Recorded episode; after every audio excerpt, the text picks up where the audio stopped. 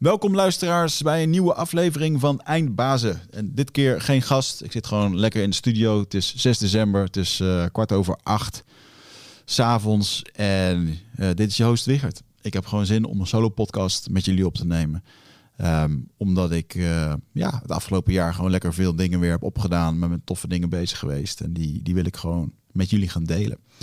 En um, ja, ik kijk er echt ontzettend naar uit om dit vanavond met jullie, uh, om met jullie vanavond over van allerlei te gaan hebben. En vooral over jou, over hoe je in het leven staat, over wat er nu beter kan, over het nieuwe jaar wat eraan komt. En wauw, we hebben met z'n allen wel weer een jaartje meegemaakt. En we zitten er nog middenin overigens. Uh, maar daar wil ik het niet al te veel over hebben vanavond. Het is meer een, uh, um, een observatie die ik, uh, ja, die toch tot me kwam, wat me enerzijds, wat me enerzijds heel blij maakt is dat uh, er luisteren honderdduizenden mensen naar Eindbazen. Het wordt miljoenen keer gedownload over, over de afgelopen jaren. En dat vind ik echt waanzinnig.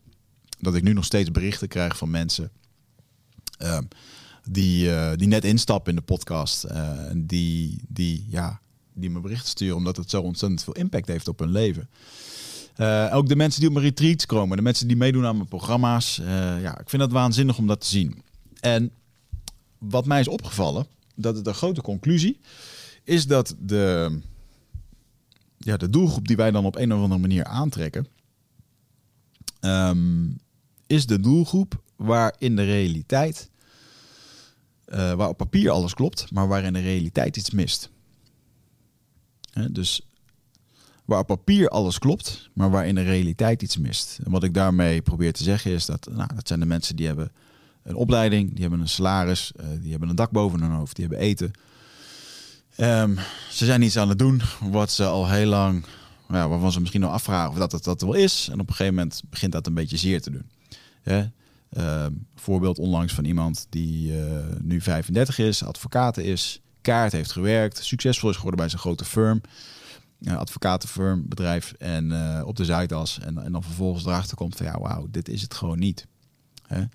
Um,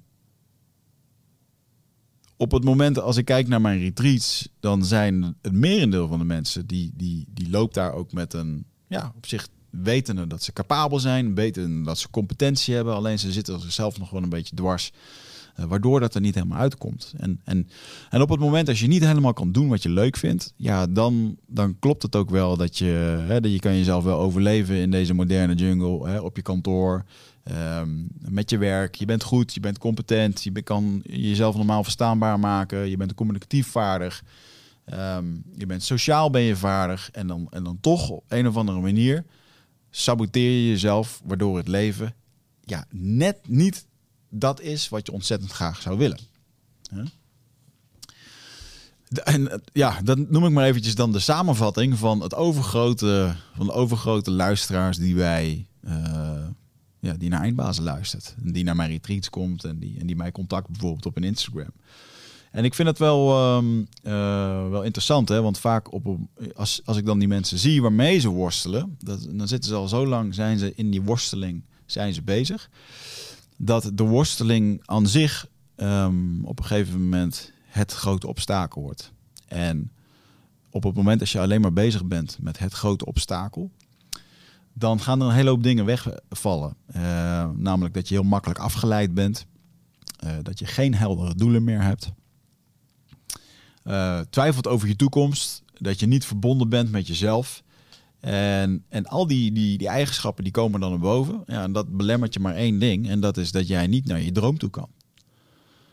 Dus het is echt ontzettend belangrijk om, om, om dat helder te hebben. Zeker nu we richting het jaar 2022 alweer gaan. Jezus, het gaat echt hard jongens. Als we nu kijken wanneer we begonnen zijn met de podcast. Uh, en waar we nu al staan. En hoe hard de afgelopen twee jaar ook zijn gegaan. Ook echt bizar. Um, en ik denk dat het heel erg mooi is voor jezelf om voor het komende jaar uh, in ieder geval jezelf de vraag te stellen. Um, en ik vraag dat wel eens bij bedrijven als ik daar spreek. Van jongens, wat, welk cijfer zou je je leven geven? En, en een merendeel die geeft zichzelf een voldoende. Als ik zeg wie is er nu gelukkig hier, steekt iedereen zijn hand omhoog. En op het moment als ik dan vraag, maar stel nu dat je met een soort magisch uh, stok, uh, stokje, een toverstaf, kan je alles veranderen. Tijd, geld en ruimte maakt niet uit. Zou je dan nog steeds doen wat je nu doet, als je hier morgen weer naar binnen mag lopen? Ja, als ik dan vraag, wie, steek dan, wie zou hier morgen dan nog steeds zijn? En steek je hand maar op. En dan zie je toch dat het overgrote deel, en dan heb ik het echt over 90%, ja, die zou liever wat anders doen. En dat vind ik wel, en behalve op de manager na natuurlijk en de CEO. En dat, en dat is keer op keer weer als ik, uh, als ik daar ben. En uh, ook wel grappig, tenminste grappig. Ik weet niet grappig, ik vind het grappig, maar iedere keer als ik de laatste lezingen die ik heb gedaan. Um, dat was onder andere bij uh, NS, ProRail. dus die, die, die, de rails maken en zo. of het spoor maken in Nederland. En bij een grote creditcardmaatschappij. En dan vond ik het toch wel heel mooi om achteraf feedback te horen, zelfs van het management, die zeiden van joh, we zijn toch ontzettend blij met de lezing die je hebt gedaan. Want er zijn een aantal mensen die hebben opgestaan en die hebben aangegeven van joh, ik zit niet meer op mijn plek, er moet wat anders. Uh, ik heb andere behoeftes, andere verlangens. En wauw, ja, als ik dat soort dingen kan bewerkstelligen voor mensen, ja, dat geeft me zo ontzettend goed gevoel. Um, want het is natuurlijk best wel een ding als je iemand gewoon um, laat, ja, laat kiezen voor zichzelf. Dat hij een andere carrièrepad gaat doen. En, terwijl het merendeel, uh, waarom ik natuurlijk voor een lezing word ingehuurd, is natuurlijk om mensen te motiveren, meer uit zichzelf te halen. En ik ben ook wel blij dat steeds meer bedrijven dat echt wel gewoon inzien. Van ja, liever dat iemand dat inzicht tijdens een lezing krijgt en vervolgens voor zichzelf gaat kiezen dat hij echt productief is, dat hij andere dingen gaat doen, dan dat hij hier blijft zitten en een soort poppenkast aan het, uh, aan het spelen is. En uh, weet je, en die poppenkast, jongens, dat is ook natuurlijk wel echt een, een de grote uitdaging. Hè? De uitdaging van onze moderne jungle. Um, omgaan met succes, prestatiedruk, erbij horen, geld, wat natuurlijk een belangrijk ding is. En, en ja, je kan ook niet zonder. Dus dat maakt het ook heel erg vervelend. Um, maar ook het, het, heruitvinden van jezelf. En ik vind het zo'n ontzettend uh, bijzonder iets dat het zelf, jezelf opnieuw uitvinden. Daar heb ik echt lang over nagedacht de afgelopen, of tenminste heb ik veel over nagedacht. Ik neem ondertussen een slokje. Ik heb daar veel over nagedacht. Over hoe komt het nou dat je, dat je in de realiteit of op papier, dat klopt eigenlijk alles. Je hebt een leuke relatie, misschien heb je kinderen, je hebt huisje, boompje, beestje. Uh, maar toch, ja, mist er wat. En dat komt omdat het merendeel van ons, die, die groeit op. En we groeien op met allemaal onze eigen ja, ouders, uh, de, de familiesystemen die we hebben, de trauma's die je daar opdoet, de ervaringen die je opdoet. En iedereen heeft daarin zijn eigen bagage. En, en, ik vind het ook heel erg mooi altijd zien, om te zien weer bij de retreats van wauw, uh, bijzonder wat mensen allemaal meemaken. En, en, en, het is zo divers. En je, je kan het ook geen. Iedereen bewandelt echt zijn eigen pad. Ik noem maar eventjes wat, joh. Ik, ik had laatst een jongen die heeft tot zijn zestiende in een secte gewoond bij zijn ouders. Uh, Wauw, gewoon totale indoctrinatie van de, de, de beelden die daar um, die daar belangrijk gevonden werden. En, en, vervolgens word je 16 en ouder en op een gegeven moment ga je wat verder kijken en dan kan je in één keer buiten die cirkel kijken. Wauw, er gaat er een hele nieuwe wereld voor je open. Uh, iemand anders die met 18 jaar um, uh, in een auto stapte um, en vervolgens een ongeluk maakte en zijn beste vriend doodreed die, die langzaam zat. Weet je, en dat, dat moet je dan bijdragen. Een, een heel stuk van je leven. Mensen waar uh, hun, kind uh, zelfdoding heeft ge, gepleegd. En super triest en pijnlijk natuurlijk. En hoe je, dat, ja, hoe je dat vormt allemaal in je leven. En dan denk ik, wauw, wauw, wauw, wauw. We komen allemaal zo, zo ver en zo diep van ons eigen unieke pad. Maar om het eventjes wat luchtig te houden en eventjes wat, uh, um, um, nog even een stapje terug te gaan. Dat op het moment, uh, het leven vraagt ons om het pad te bewandelen. En op het moment als wij geboren worden, dan, dan gebeuren er twee dingen. Um, als we geboren worden, dan hebben we, ik heb dit wel eens eerder benoemd in een andere podcast, maar dan hebben we twee ja, primaire levensbehoeften. Hechting en authenticiteit. Uh, want we zijn een baby en we kunnen niet voor onszelf zorgen. En op het moment als we uh, ons niet kunnen hechten aan onze verzorger, ja, dan gaan we natuurlijk uh, dan gaan we dood. Want we kunnen niet voor onszelf zorgen. Dus die hechting, de band met onze verzorger, die is super belangrijk. Dus um, daarom is contact hè, met een baby en zo, dat is natuurlijk ontzettend. Voor de opvoeding is dat goud. De band. Nou, op het moment als die band in gevaar komt, dan moet een babytje er alles aan doen om, of een kindje moet alles aan doen om die band te herstellen. Dat is, dat is de primaire. Want uh, een ander ding wat hij nodig heeft is authenticiteit. Lachen, huilen, uh, in paniek zijn, boos zijn. Dat zijn gewoon de uitingen van een kind om iets gedaan te krijgen. Het huilt, het heeft honger. Het huilt, het moet naar de wc. En dat, dat is als baby zijn. En op een gegeven moment, ik heb nu, uh, mijn lieve Lea is nu 3,5 jaar oud. Ik vind het waanzinnig, jongens, het, uh, het, het ouderschap. Ik leer er zo ontzettend veel van. En ik maak ook echt zo gruwelijk veel fouten waarvan ik denk, oh ja, ik had ik echt anders kunnen doen. Maar goed, uh, along, we, uh, along the way we go. En um,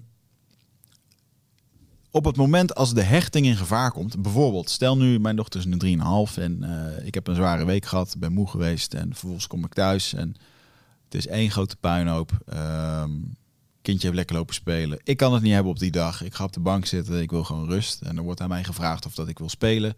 En er worden gelijk boekjes naar me toe gebracht. En, en, en in dat moment um, zeg ik uit een soort irritatie van... Uh, nee Lea, ik heb nu geen zin om te spelen.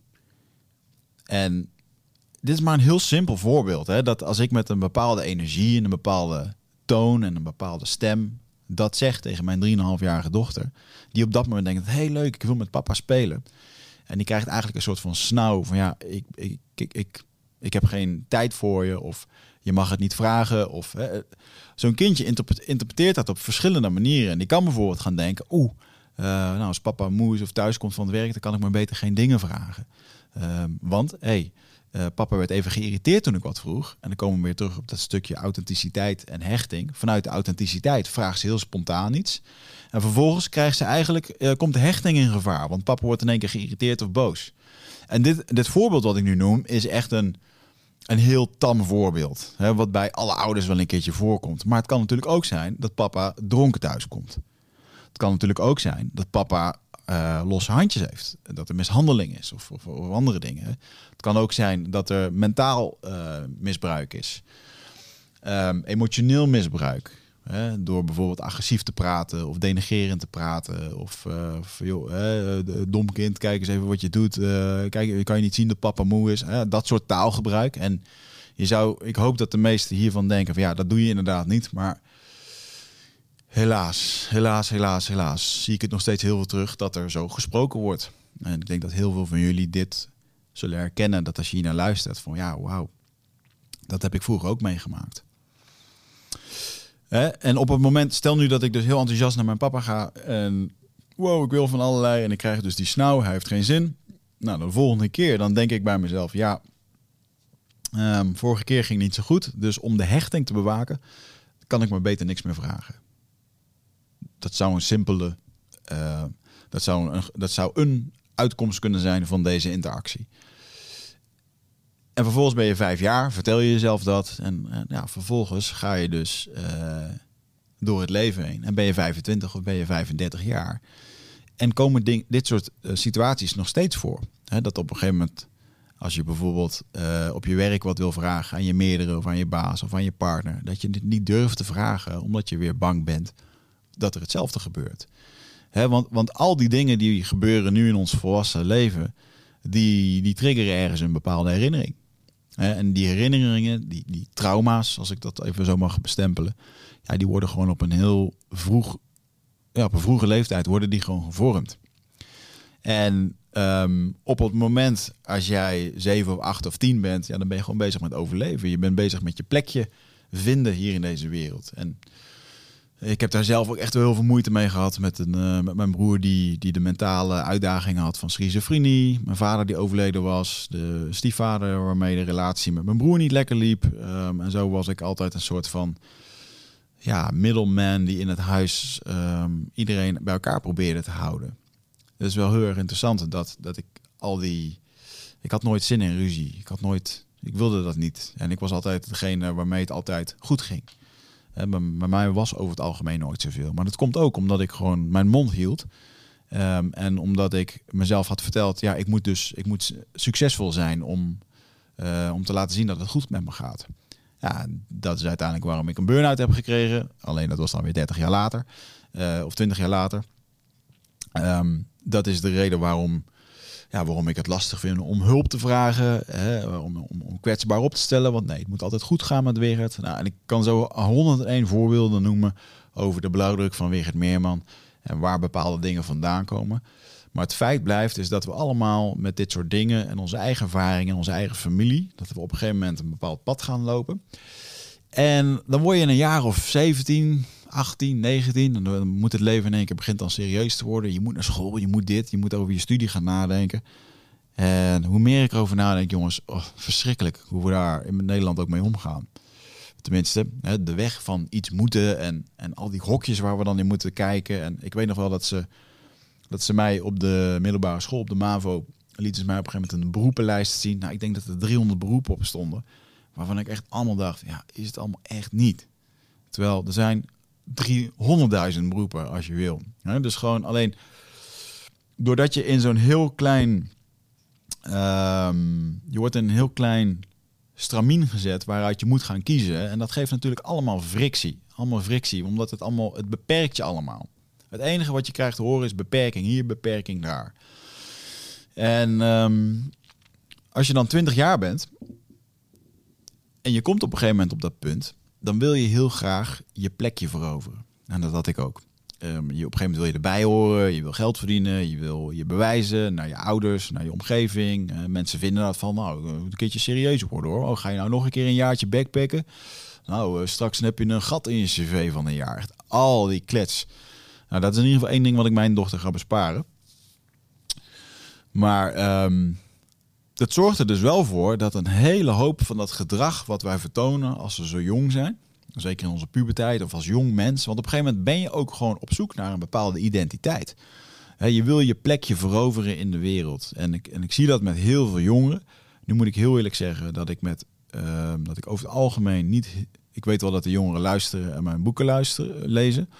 Ehm, maar over het algemeen heb ik niet op mijn retreats, als ik het zo wil zeggen, is het meeste is tussen de 35 en 45 jaar. 25 en 45 jaar. Uh, maar de doelgroep van, uh, van, van 15 tot 20, wauw, dat is wel echt een doelgroep waar mensen zich echt heel erg gaan vormen en, en waar identiteit heel erg belangrijk wordt. En dan wil je dus dat plekje hebben dan, en dan heb je uiteindelijk dat plekje. Uh, daar vecht je dan voor en vervolgens dan heb je dat en vervolgens ga je daarmee aan de slag. Ja, dan, dan kom je er uiteindelijk achter dat dat plekje helemaal niet is wie jij echt bent. En dat kan best wel, soms duurt dat vijf jaar, soms duurt dat uh, tien jaar. Ik denk dat het bij mij misschien wel vanaf mijn twintigste tot mijn, tot mijn dertigste heeft, heeft geduurd. Dat ik, dat, ik, dat ik erachter kwam dat al dat, dat wat ik aan het doen was, uh, dat had allemaal te maken met prestatiedrang en met jezelf laten zien. En, en, uh, en jezelf uiteindelijk niet goed genoeg vonden. Ik ben daar toch wel redelijk laat mee, uh, mee begonnen. Ergens om mijn dertigste. Dat, dat, dat vervloek ik mezelf ook nog wel eens voor. Um, dat kan wel zo'n irritatie zijn. Als ik er nu van die jonge, jonge honden zie die dan met 22 lekker bezig zijn met persoonlijk leiderschap, dacht ik, oh, dat had ik ook moeten doen. Maar goed, dat was voor mij het pad. Dat was voor mij het pad. Maar dan ben je dus zo jong en dan met dat plekje. En vervolgens dan ben je 35 en dan 35 of 25 of net, net wanneer het kwartje bij jou valt. En dan kom je erachter dat, dat jij niet... Dat je iets hebt gevormd voor jezelf wat jij totaal niet bent. dus je hebt je plekje wel veroverd. Maar datgene wat je dacht dat je nodig had, ja, daar word je uiteindelijk dus niet gelukkig van. Ik, ik merkte op een gegeven moment dat ik bijvoorbeeld ontzettend moe werd, letterlijk, fysiek moe, van continu dat bewijzen en nieuwe dingen doen. En, en, en dat is ook heel, heel, erg moe, want je moet dus ook de hele tijd nieuwe dingen verzinnen en bedenken om, om gezien te worden, om succesvol te zijn. Um, ik zie het ook terugkomen bij heel veel mensen die jarenlang um, hebben gedaan wat papa heeft gezegd of wat papa graag, mama graag wilde. En vervolgens uh, studie, rechtenstudie, dit. Vervolgens gaan ze een baan in en vervolgens kom je erachter. Ja, dat ze eigenlijk helemaal niet het gevoel hebben dat ze leven of dat ze echt leuke dingen doen. Uh, maar ja, je hebt die rechtenstudie gedaan of je hebt zo'n hele specifieke richting gekozen. En dat maakt het allemaal in één keer ontzettend moeilijk om, om daar een keuze in te maken. En dan zitten we ook nog eens een keertje nu in een tijdsperiode waarin we allemaal best wel getest worden.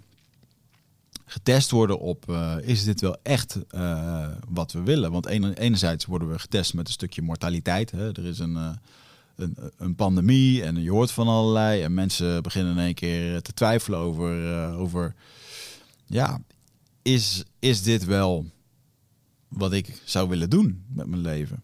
Want de jaren vliegen nu in één keer voorbij. En als je de afgelopen twee jaar dus geen leuke baan had, ja, dan is de afgelopen twee jaar dubbel zo leuk niet geweest. Ik zeg het verkeerd. De, de afgelopen twee jaar zijn dubbel zo verschrikkelijk geweest. Um, ik, ik, weet ook dat er heel veel mensen zijn die in één keer uh, hebben gehad van wauw, dit is echt een mega kans. Ik ga hier mijn vrijheid mee creëren en ik wil leuke dingen gaan doen. en, en die zijn daar ook voor gaan kiezen. En, en wat ik eigenlijk wil vragen is dat um, het heruitvinden van jezelf. Dat is natuurlijk het mooiste wat, wat hieruit, hieruit kan opstaan. Hè? Dat, dat, oude, die oude persona die jou heeft gevormd, die jou in je jonge jaren uh, tot dat punt heeft gebracht. En nu wil je eigenlijk volwassen worden.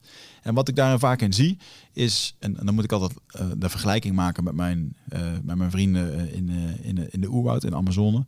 Ja, zij groeien op met spiritualiteit. Voor hun zijn bepaalde vraagstukken eigenlijk de existentiële vragen. Um, ja, wie ben ik nou eigenlijk? Uh, wat wil ik? En, en, en hoe ga ik dat doen? Dat zijn dingen, daar zijn zij gewoon mee bezig. Omdat het vanuit een heel ander perspectief komt. Uh, veel minder vanuit het presteren en vanuit het uh, allerlei opmeten aan maatschappelijke dingen. Of vanuit religie of vanuit ouders of wat dan ook. Die lopen te pushen. Nee, er is een veel breder concept, een veel holistischer concept over het gelukkig zijn. En uh, ik neem maar een slok, jongens. Ik ben cacao aan het drinken. Heerlijk, rauwe cacao. Mijn nieuwe verslaving. Met honing, dat wel. Um, hè, dus op het moment dat, uh, dat wij op die spagaat zitten van uh, hard werken en dat jonge personaatje, dat heeft ons ergens gebracht. En vervolgens komt er een keer een moment dat wij denken van ja, is dit het nou? Ja, en dan komt er vaak een, een, een spirituele crisis. Die ervoor, zorgt, die ervoor zorgt dat we die existentiële vraag gaan stellen. Van, ja, is dit het nou wel? Ik bedoel, het, ja, ik ben gelukkig nu met mijn gezin, maar met mijn baan. En er komen twijfels. En vaak komt dan ook een beetje de exploratie richting het spirituele. En wij gaan vaak op het moment als het te laat is, op zoek naar het spirituele. Omdat op het moment dat het bij ons te laat is, dan gaan we richting een burn-out of ongelukkig worden of, of misschien lichte depressie of andere dingen. En depressie kan in allerlei vormen en maten kan dat natuurlijk uh, kan het tot zich komen, tot ons komen door middel van geen energie, uh, uh, ja, dingen vergeten, geen, geen, geen lust meer in de dingen die je doet. En dan is het heel erg belangrijk ja, dat er een soort van levenslust uitkomt en spiritualiteit. Dan moet ik heel erg denken aan Paul de Blot, die bij ons in de podcast is geweest. Uh, hoogleraar business spiritualiteit. Een ontzettend lieve man. Ik geloof dat hij 94 was toen hij bij ons hier in de studio kwam met zo'n rollator. Hij is helaas afgelopen jaar overleden, of vorig jaar zelfs. Vorig jaar volgens mij. En hij heeft een heel mooi boek geschreven. Uh, waar de kern volgens mij was dat spiritualiteit is plezier. Dus dat je, dat je ergens een bepaalde spirit in vindt, een bepaalde joy. Uh, dat is heel simpel gezegd gewoon spiritualiteit. En ik heb het boek van hem niet gelezen. Ik weet dat hij dit heeft verteld in de podcast. En toen dacht ik in één keer, oh ja, dat, dat, dat, dat slaat eigenlijk wel erg, ergens op. dus het allerbelangrijkste is dat jullie gewoon uh, plezier hebben in hetgeen wat je doet. En ik hoop dat je plezier hebt in, in het leven, in het werk uh, en in je eigen persoonlijke groei. Hè, want het leven heeft de, de, de nare eigenschap om ons altijd te testen. Uh, om ons bloot te stellen aan lijden. En dat kan zijn door middel van familiebanden die niet helemaal lekker lopen. Uh, dat kan zijn door middel van een relatiecrisis waar je nu in zit. Uh, door een werkcrisis waar je in zit. Of gewoon een totale crisis van bijvoorbeeld wat er nu in de wereld gebeurt. En dat, dat jij echt opnieuw zelf je plek daarin moet vinden.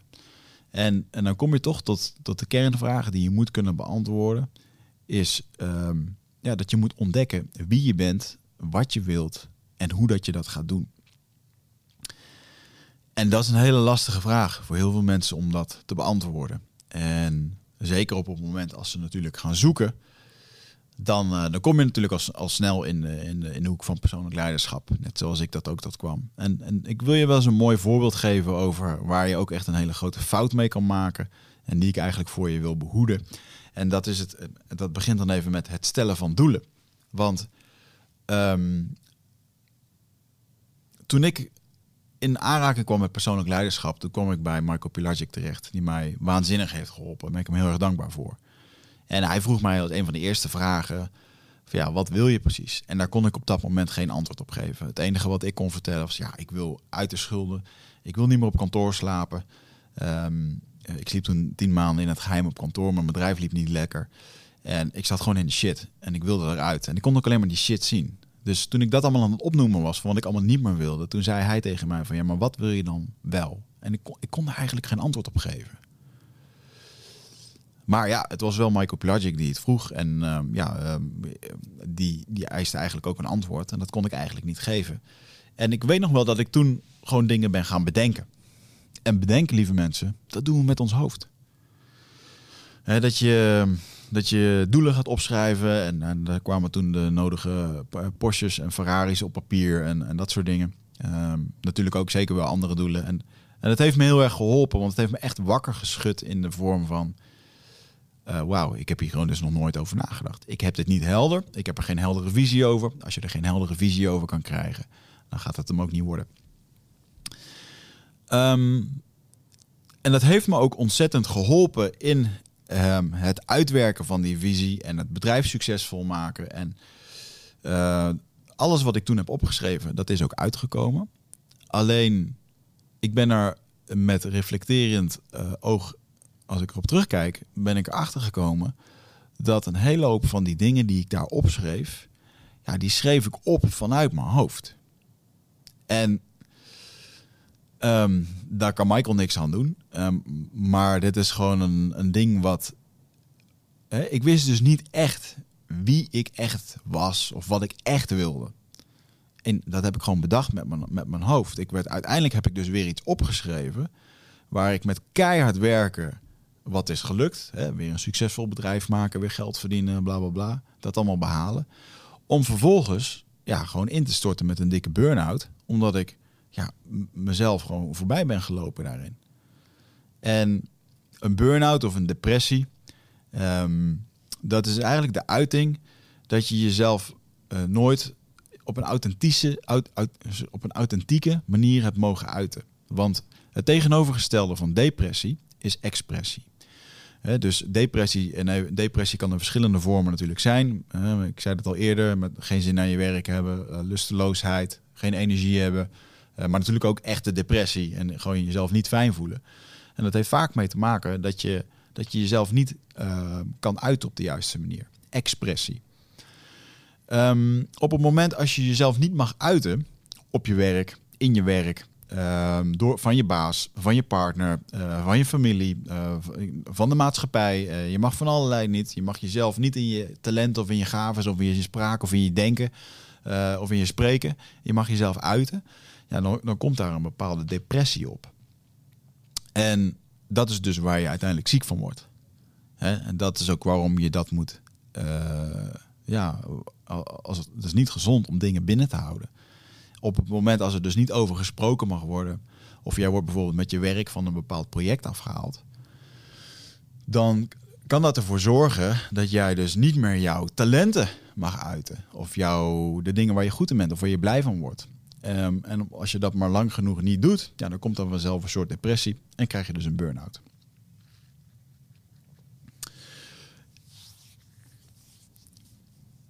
Ik denk dat het merendeel van ons heeft hier wel eens een keertje mee te maken gekregen. He, dus uh, het is super belangrijk dat je dus. Um, ik kom weer even terug op dat stukje, dat authenticiteit, wat je als klein kind, wat zo ontzettend belangrijk voor je was. Dat dat je dat weer aan mag gaan wakkeren. He, dat je weer mag gaan stralen. Dat je weer die, nou ik noem het maar even, weer die plezier mag gaan voelen. Dat, dat, dat kindse gevoel van dat je echt iets doet waarvan je denkt van ja, dit is het. Dit, dit is hetgeen wat ik wil. Alleen um, als wij nog steeds in die, in die oude hechtingspatronen zitten. dus dat we dingen aan het doen zijn om geliefd te zijn. Uh, dingen die we doen om geaccepteerd te worden. Dingen die we doen om, om, om, om lief gevonden te worden.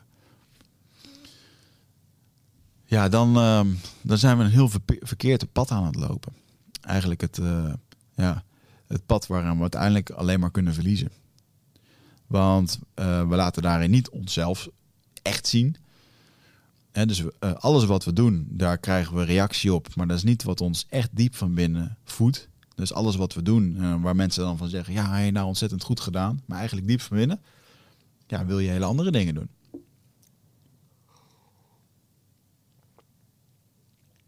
Diep van binnen wil je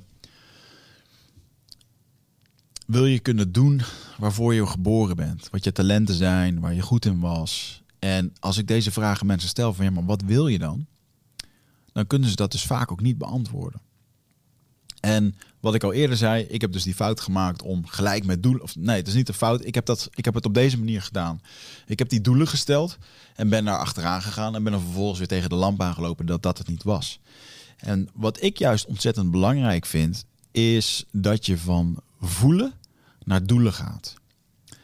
En op het moment als je wil weten wat er in jou omgaat, wat je echt wilt, ja, dan moet je er dus achter komen uh, waarom je denkt wat je denkt, waarom je voelt wat je voelt en waarom je doet wat je doet.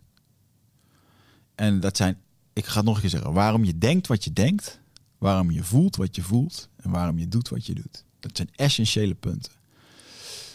Uh, toen ik naar de jungle ging en daar een tijdje mocht verblijven, um, toen zat ik daar dus in die heilige ruimte, 40 dagen alleen. Um, geen prikkels, geen zout, geen suiker. Um, weinig mensen om me heen, weinig tot geen. En vervolgens weet ik nog een heel helder moment waar ik was in die jungle. En dat, het, dat, dat ik gewoon in één keer gek werd van mijn eigen gedachten. Want er was al een paar dagen was er niet zoveel gebeurd. En ik heb daar gelachen, ik heb daar gehuild, ik heb daar, ja, alles gaat door je heen op het moment als je zo wordt afgezonderd. En je bent dus alleen maar met je eigen gedachten. Want wat doen wij het liefste op het moment als wij onszelf niet goed voelen? Dan gaan we onszelf verdoven. En verdoven kan zijn uh, uh, relatie na relatie aangaan. Puur om maar die high van de liefde te voelen. S'avonds Netflixen, op je telefoon zitten, slecht eten, drugs, alcohol, vreemd gaan. Noem het allemaal maar op. Iedereen heeft daar zijn eigen go-to uitweg voor, voor wat hij wil doen. Bij mij is het vaak slecht eten chips en zo en dat soort dingen, dan uh, ja, ga ik dat doen. Um, of niet eten, dat is ook een hele goede. Um, op het moment als je dus niet lekker in je vel zit, ja, dan krijgen we van dat soort gedrag. En dan hoeven we daar dus even niet aan te denken. Een hele interessante, um, een hele interessante die ik jullie wil meegeven is dat alles wat wij doen, dat doen we omdat het een bepaalde beloning geeft. En misschien zit je nu in een pand te werken waar collega's zijn of zit je met familie. Kijk nou eens naar die collega's die zometeen wat dingen doen. De interacties die ze hebben, um, wat ze aan het doen zijn tijdens het werk of wat ze niet aan het doen zijn. Dat alles wat zij op dit moment doen, dat doen ze omdat het een bepaalde beloning geeft. Dus ook, ook, deze video die ik nu hier maak, dat geeft mij een bepaalde beloving. Jij luistert dit nu omdat het een bepaalde beloning geeft. En dat kan zijn enerzijds van, nou, ik heb gewoon zin om te ontspannen. Uh, misschien ben je aan het weglopen, weet je dat je ondertussen aan, je, aan de administratie van je bedrijf moet. hetzelfde als Netflix, dat, dat kan ook. Waarom gaan mensen dan Netflixen terwijl ze weten dat ze iets moeten doen voor een bedrijf? Uh, ja, dan, dan ontslaat jou dat eventjes van die verantwoording. Dus super belangrijk om erachter te komen waarom je denkt wat je denkt, waarom je voelt wat je voelt en waarom je doet wat je doet. Want wat wij doen, onze handelingen, dat komt voor vanuit hoe wij, hoe wij ons voelen dus we gaan die zak chips eten omdat we onszelf niet lekker voelen. Ehm, we, gaan, uh, we gaan bijvoorbeeld sporten omdat we ons niet lekker voelen. Dat is een positieve. Hè? Maar het zou bijvoorbeeld ook andersom kunnen zijn. Sommige mensen gaan drinken omdat ze zelf niet lekker voelen. Um, je bedrijf uitbouwen, dat doe je omdat je een bepaald gevoel hebt. Omdat, het, omdat je een geloof hebt. omdat je een, een, een missie hebt, omdat je de taken helder hebt, omdat je een bepaalde visie hebt. En vanuit daar ga je dat doen. En dan komt er een bepaald momentum. En als ik hier nou een onzichtbaar touwtje heb, dan heb je aan de linkerkant jouw gevoelens en aan de rechterkant heb je jouw um, gedachten. En op het moment als jij rond, of tenminste je leeft en er gebeuren allerlei dingen om je heen, dat komt allemaal binnen via je zintuigen, via je ogen, via je oren. gaat allemaal door al die filtertjes heen. Filtertjes van religie, filtertjes van opvoeding, filtertjes van maatschappelijk uh, wat moet. Uh, wat moest van je vader, wat moest van je moeder, trauma's, bla bla bla, alles er bij elkaar. En binnen een paar milliseconden creëert wat er in de buitenwereld gebeurt, komt bij jou binnen. En binnen een paar uh, seconden, milliseconden, creëert dat een bepaald gevoel.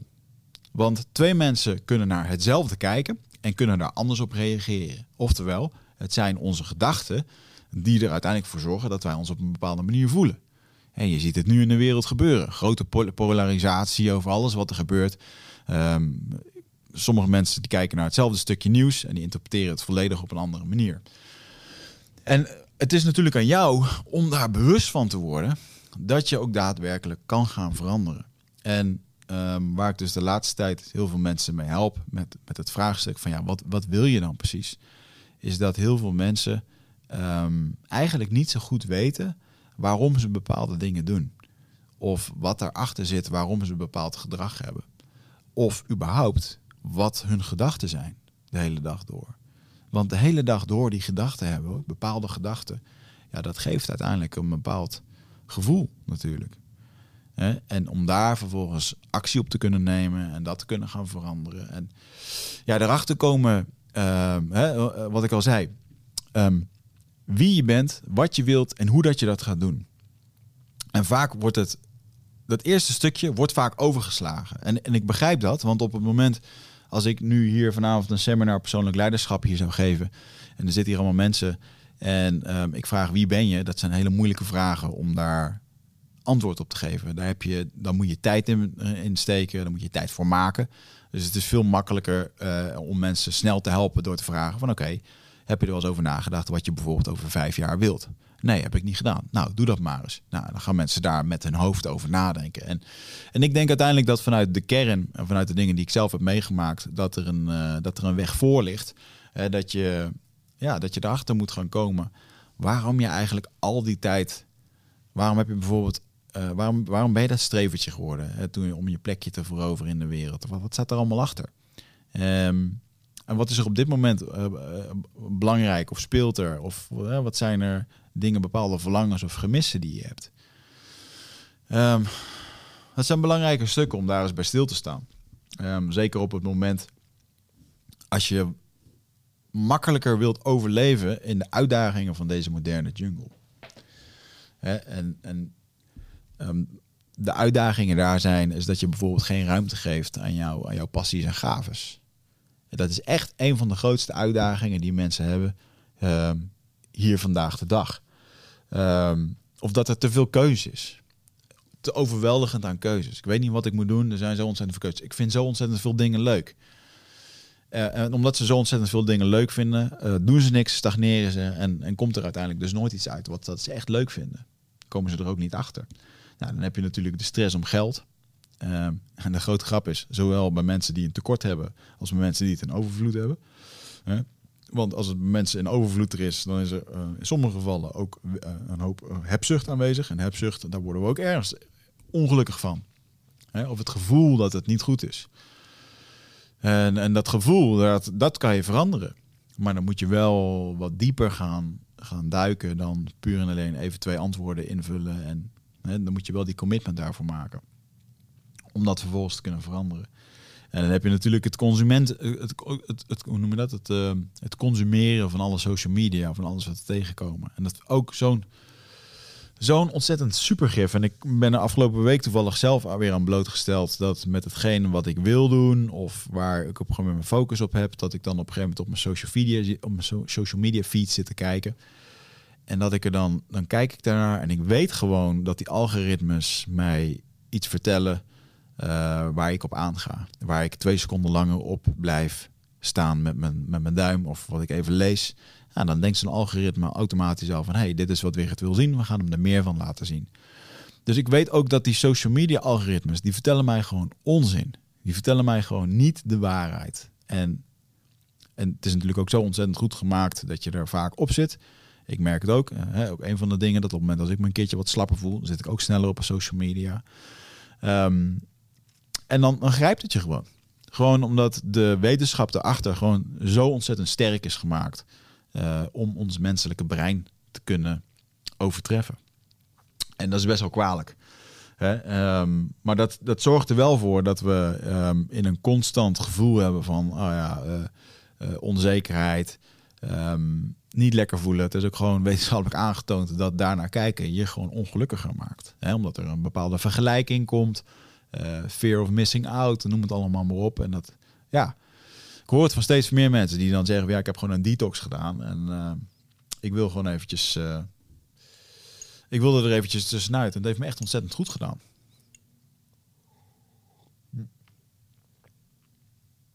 En lieve mensen, wat ik nu gewoon ontzettend veel zie en wat me echt heel veel zeer doet, is dat, um, dat al deze uitdagingen van de moderne jungle, die zorgen ervoor dat wij een bepaalde disconnectie met onszelf krijgen. En die disconnectie die was in sommige gevallen was die al aanwezig omdat onze papa niet aanwezig was of omdat er, uh, dat er andere dingen waren. Maar het helpt niet mee dat dit er ook nog eens een keertje bij komt. En, en, en dan kom je natuurlijk weer hè, dat het verbonden zijn. Spiritualiteit betekent natuurlijk ook dat je je verbonden voelt met anderen, met de wereld, met heelal, met, uh, met je voorouders, met je in, in de liefde, net hoe dat je het wil interpreteren. En laat dat nu net het ding zijn wat bij ons mist. Die spiritualiteit of de, het besef dat er meer is in het leven. De existentiële vragen. Dat je daar op jonge leeftijd mee bezig bent. En ja, als je dan dus 25 bent of 35 en je hebt jezelf die vragen nooit gesteld en je komt dan vervolgens in een stukje disconnectie en je ziet dan ook nog eens een keertje dat de halve wereld een disconnectie met zichzelf heeft en met elkaar ja, dan zijn we een lekkere een puinzooi aan het maken van met z'n allen. En dat is wel echt een, dat is wel echt een observatie die ik, uh, die ik heb in de afgelopen weken. En uh, het allerbelangrijkste hierin, um, dat is toch wel dat we die, dat je dat stuk in jezelf gaat vinden, dat je uh, lekker in je vel gaat zitten, dat je goed voor jezelf gaat zorgen. Dat is een interessante vraag voor jezelf ook. Hè? Ben je op dit moment goed voor jezelf aan het zorgen? Interessante vraag. In de liefde, uh, op seksueel gebied, op financieel gebied, op, uh, op voedkundig gebied, op uh, gezondheidsgebied. Hè? Ben je goed op gewicht? Ben je goed met je gezondheid? Heb je geen klachten? Eet je gezond? En er zijn zo ontzettend veel dingen die, uh, die belangrijk erin zijn. Goed voor jezelf zorgen, emotioneel of, of mentaal. En zeker in, in, deze tijd waarin het gewoon niet... Ja, het wordt je niet geleerd, dus je moet het allemaal uit zien te vinden. En uh, nou goed, dat is natuurlijk wel een van de dingen die ik, uh, ja, die ik jullie graag wil meegeven. Dat er gewoon... Er is een blauwdruk voor dit verhaal. er is een blauwdruk om hier naartoe te komen. Um, een blauwdruk om jezelf te vinden. En ja, goed, de meeste van jullie weten al dat ik mijn, mijn boek heb geschreven op zoek naar antwoorden op zoek naar antwoorden. Uh, ik ben nog steeds ontzettend blij hoe dat het nu uh, gaat. Nu meer dan 7000 boeken verkocht. Het is nu net uh, iets meer dan een jaar uit. Dus daar ben ik echt heel erg, heel erg trots op. Um, ben ondertussen ook weer bezig met een tweede deel. Daarover later meer. Want dat, begint een beetje vorm te, te krijgen. Toevallig uh, heb ik vorige week weer een ayahuasca sessie gedaan. En daar kwam toch wel de titel heel mooi naar voren. Maar goed, dat ga ik nog even niet met jullie uh, delen. En uh, ja, ik, ik, wat, ik, uh, wat ik graag met jullie ehm, wil delen vanavond is als je nou denkt van ja, dit wat je nu allemaal aan het vertellen bent. En ik zit ook wel een beetje in zo'n situatie waar ik eigenlijk wel op zoek ben naar een soort van ja, reset naar mezelf. Om, om mezelf opnieuw ehm, ja, te herprogrammeren van al die oude bullshit dan, uh, dan wil ik je heel graag attenderen op een, uh, op een online programma waarmee ik bezig ben. Er zijn nu twee lichtingen van geweest. Dat is The Journey. En um, The Journey is een achtweeks online programma waarin je erachter komt uh, wie je bent, wat je wilt en hoe dat je dat gaat doen. En wat ik al eerder zei, dit is niet het programma Ehm, waarbij we op les 1 uh, gaan zeggen van oké, wat wil je over vijf jaar? We gaan een plan maken, we gaan er naartoe werken.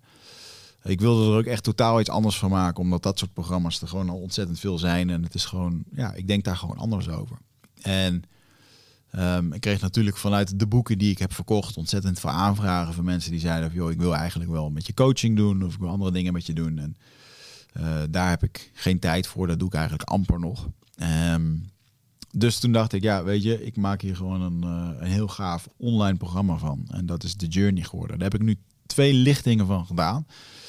En dat is echt wel uh, waanzinnig. Um, voor de mensen die het boek hebben gelezen, um, je weet dat ik de jungle ben ingegaan. En ook voor de mensen die het nog niet hebben uh, gelezen, dan vertel ik het nu eventjes. Ik ben op een gegeven moment de jungle ingegaan om een eeuwenoud ritueel te doen, om jezelf te ontdekken, om te transformeren, om te groeien. En een van de van de dingen die, die, die daar heel belangrijk was, was gewoon om jezelf een tijdje uh, ja, terug te trekken. Hè? Dus om, om, um, om jezelf af te zonderen. Om alleen te zijn met je gedachten en met je gevoelens. Um, geen zout, geen suiker. Uh, nou, de dingen heb ik al eerder genoemd. En dat heb ik daar 40 dagen gedaan. Nou is dat natuurlijk een beetje lastig om dat uh, iedereen op te dragen, om dat hier te doen. Uh, maar ik wil je wel aangeven dat de journey eigenlijk de praktijk is geworden van mijn boek Op zoek naar antwoorden. Waar 25 fantastische hoofdstukken in staan over ja, eigenlijk de blauwdruk van de mens. Van, van opvoeding tot en met zelfacceptatie, tot en met um, ja, het, het omgaan met jezelf. niet veroordelen van jezelf. En dat, dat was nog eventjes een ding wat ik zo straks niet heb verteld. Um, maar toen ik dus alleen in de jungle was, dat op een gegeven moment heb je al die gedachten. En is er niks meer van buitenaf. Niemand, er was geen verdoving te vinden. Er was niemand waar tegen ik kon aanpraten of waar ik me gelijk kon halen. En vervolgens kwam in één keer daar het hele heldere inzicht dat de enige die de, hier de veroordeling heeft over jouzelf, dat ben jezelf. Ja, want die natuur, die jungle, die geeft echt helemaal niks om jou. Niet om hoeveel volgers dat je hebt, of hoe populair dat je bent, of hoeveel geld dat je hebt, of hoe zelfmedelijden hebt, of hoe zielig dat je bent, of hoe succesvol dat je bent. Die jungle geeft daar helemaal niks om en die vreet je gewoon op. En, en dat gevoel van, um, ja, een soort van onbelangrijkheid, dat, uh, dat vond ik best wel confronterend toen. Hè? Omdat je natuurlijk ook ergens met je identiteit uh, jezelf heel erg omhoog probeert te houden met bijvoorbeeld nou, uh, eindbazen, volgers, de aantal downloads of, of, of je likes op Instagram of dat soort dingen. En ik kan hier wel heel stoer zeggen dat, het, dat me dat allemaal helemaal niks doet. Maar natuurlijk doet het mij dat wel. Ik ben ook gewoon een mens. Ik, um, ik zou zeggen, het, het doet mij iets op een gezonde manier. Uh, maar er zijn ook echt wel momenten in mijn leven geweest waarbij ik dat heel erg belangrijk vond. Te belangrijk eigenlijk. Terwijl het helemaal niet belangrijk is. in de essentie.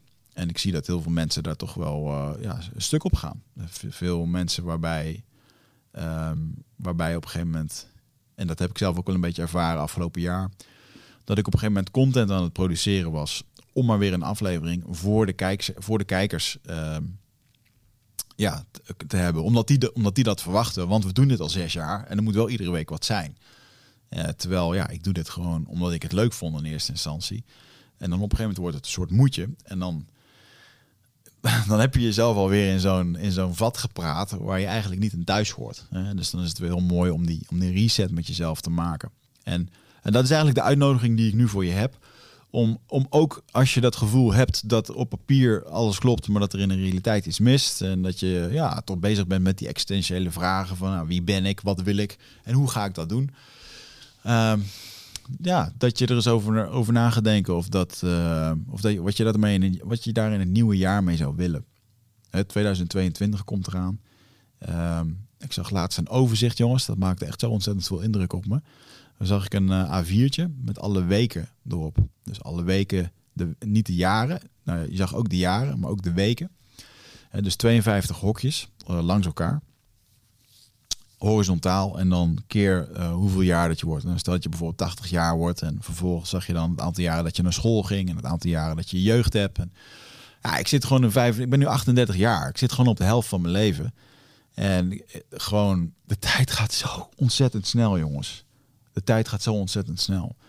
En, en ik heb gelukkig de ambitie en de droom om, om lekker lang door te werken, om lekker te doen wat ik leuk vind. Ik bedoel, ga ik ooit stoppen met werken of met boeken schrijven? ik, ik, ik denk het niet, omdat ik het gewoon leuk vind.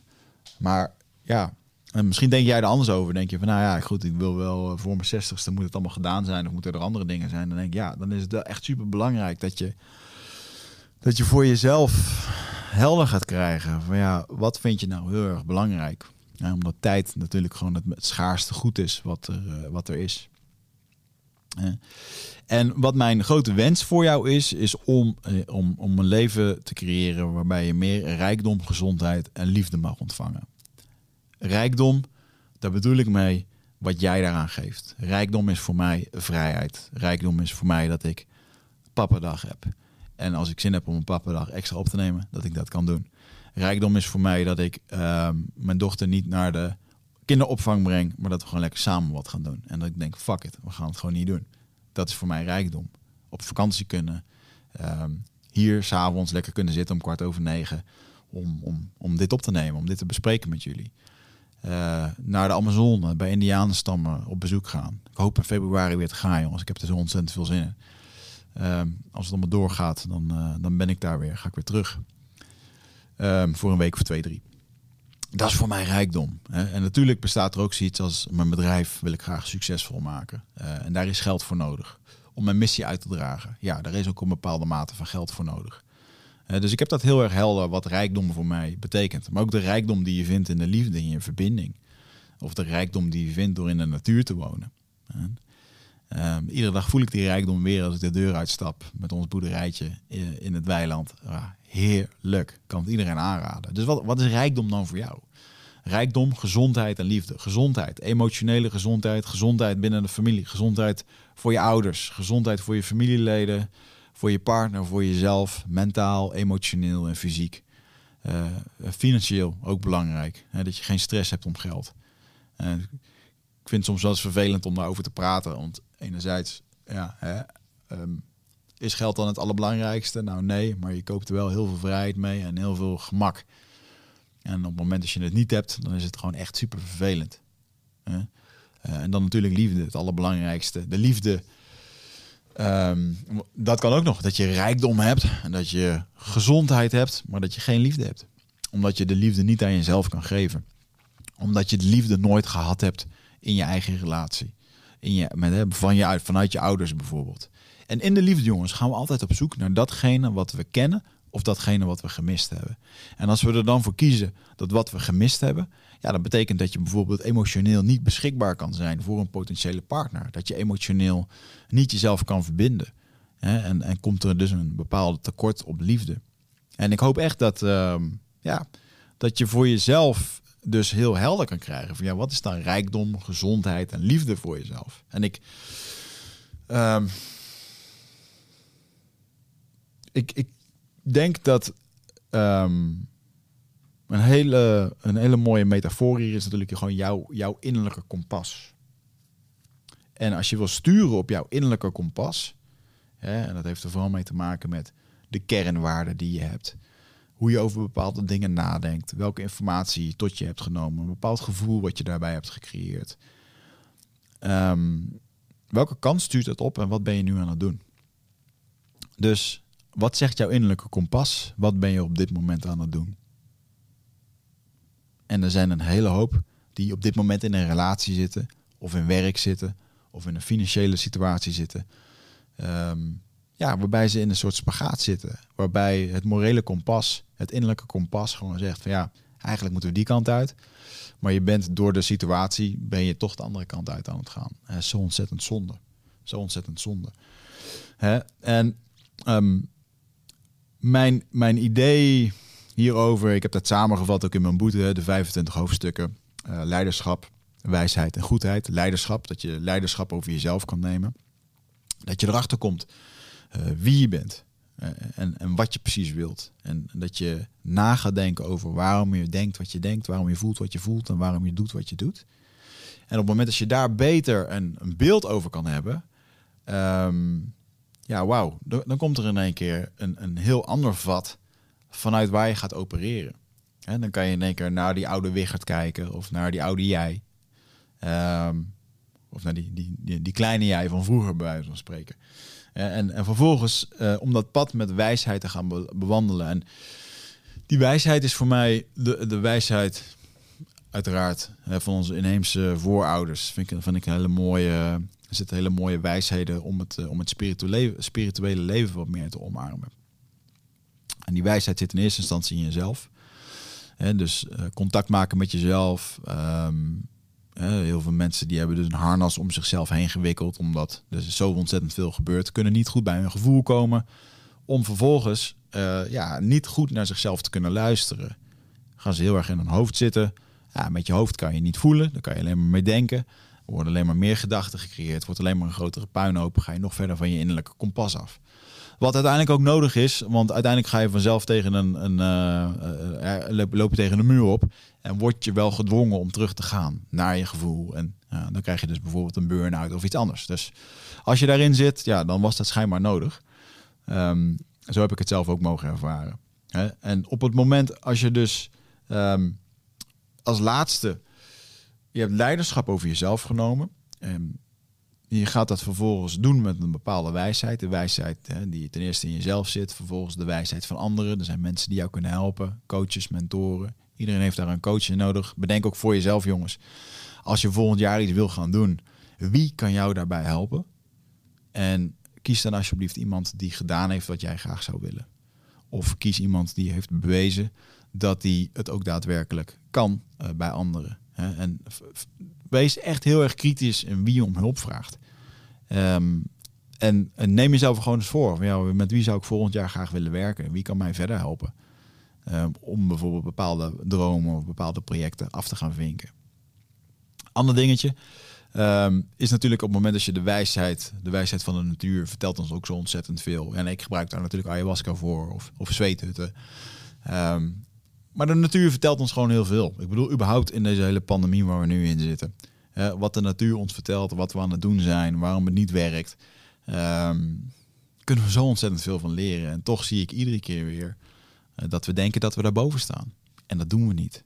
Uh, terwijl de, natuur ons heel veel kan vertellen. Op het moment als we daar wat ja, meer contact mee kunnen maken.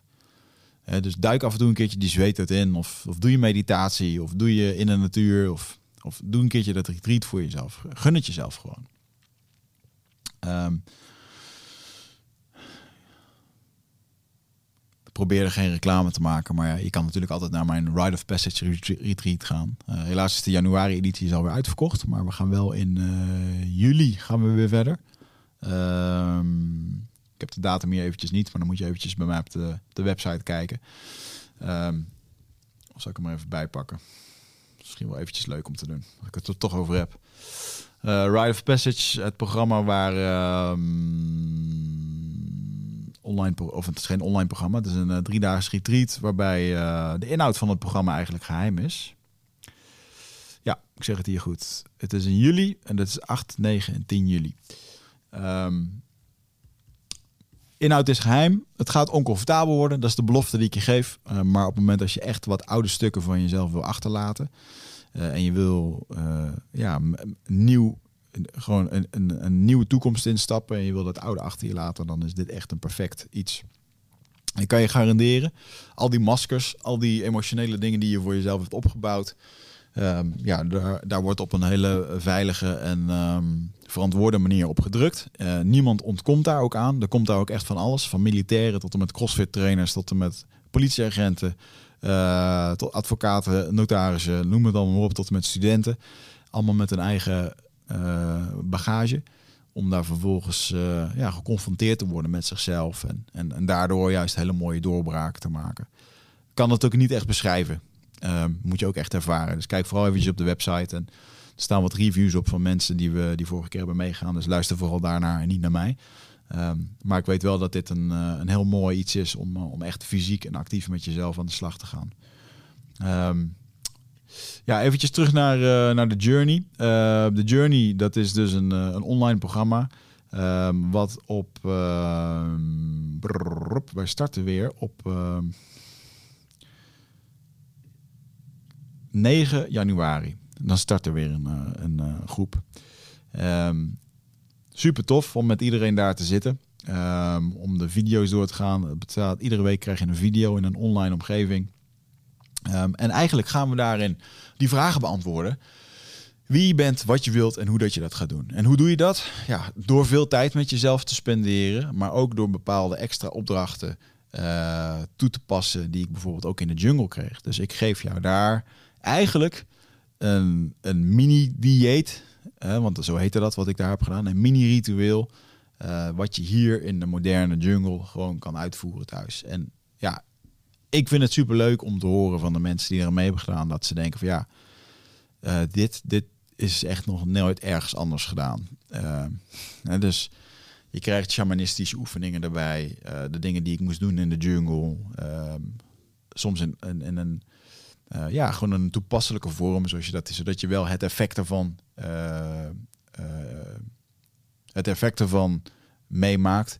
En even een disclaimer: je krijgt geen ayahuasca thuisgestuurd of geen microdose dingen of andere dingen. Nee, we doen het gewoon met onszelf. En dat is ook een heel belangrijk iets wat ik je graag wil geven. Het, het op zoek gaan naar antwoorden. Het, alle antwoorden zitten in jouzelf. En het enige wat ik daarin doe, is jou faciliteren op die reis daar naartoe. En dat doen we door middel van uh, video's, waarin we alle hoofdstukken van het, van het boek gaan doorlopen. En um, wat ik heel graag voor je wil, is dat jouw leventje richting die 8 of 9 gaat op het moment dat je leven nu een 5 is, dan weet je dat je actie moet gaan ondernemen. Dat je het sowieso, dat je iets moet gaan doen. Anders wordt het heel erg ongelukkig. Is je leven een 9 of een 10, moet je blijven doen wat je leuk vindt. Of moet je blijven doen wat je doet, want hè, dat gaat goed. Op het moment als het nu een 7 is, ja, dan moet je ook aan jezelf gaan afvragen van oké, is dit wel hetgene wat ik nu moet doen. Want als het nu een zeventje is, dan betekent het dat het wel oké is. Het is niet perfect, is ook niet vervelend. Hè? Je krijgt je salaris, je hebt oké okay, je hebt oké collega's, het kan anders, het is op zich een leuke relatie. Maar als je echt zou willen, ja wow, dan zou je in één keer hele andere beslissingen maken.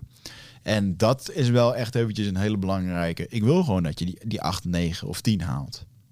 Dat, dat ben je ook gewoon waard. Het is, niet, het is het niet waard om over vijf jaar in één keer terug te kijken en te denken: shit,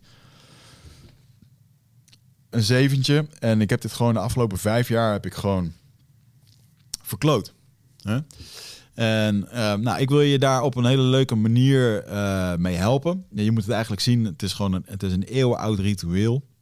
Wat uh, voor zelfontwikkeling in een heel modern jasje. Um, ja, door erachter te komen wie je bent, wat je wilt en hoe dat je dat gaat doen. Uh, dus ik vind het leuk om uh, uh, modern persoonlijk leiderschap daarin te combineren met, met psychologie, met shamanisme, met ehm, ja, intuïtieve oefeningen, dingen die je dagelijks kan toepassen. En ja, je kan dit ongeveer met, eh, met 15 minuten per dag of anderhalf uur per week kan je dit doen. Um, dat is eventjes een, uh, een belofte. Zo van, nou, dat als je het wil, kan je het zo doen. Maar kan je wel garanderen dat op het moment als je bezig gaat met de stof, ja, dat natuurlijk in alles wat jij doet, ga je hier naar terug reflecteren. Hè? Wij zijn gewoon heel erg uh, autobiografisch ingesteld. Dat betekent dat je zit nu naar mij te luisteren en je hoort nu dingen en je denkt, oh ja, dat, ja, dat kan bij mij inderdaad. Oh ja, dat klopt wel, dat klopt niet. En dan ga je erover nadenken.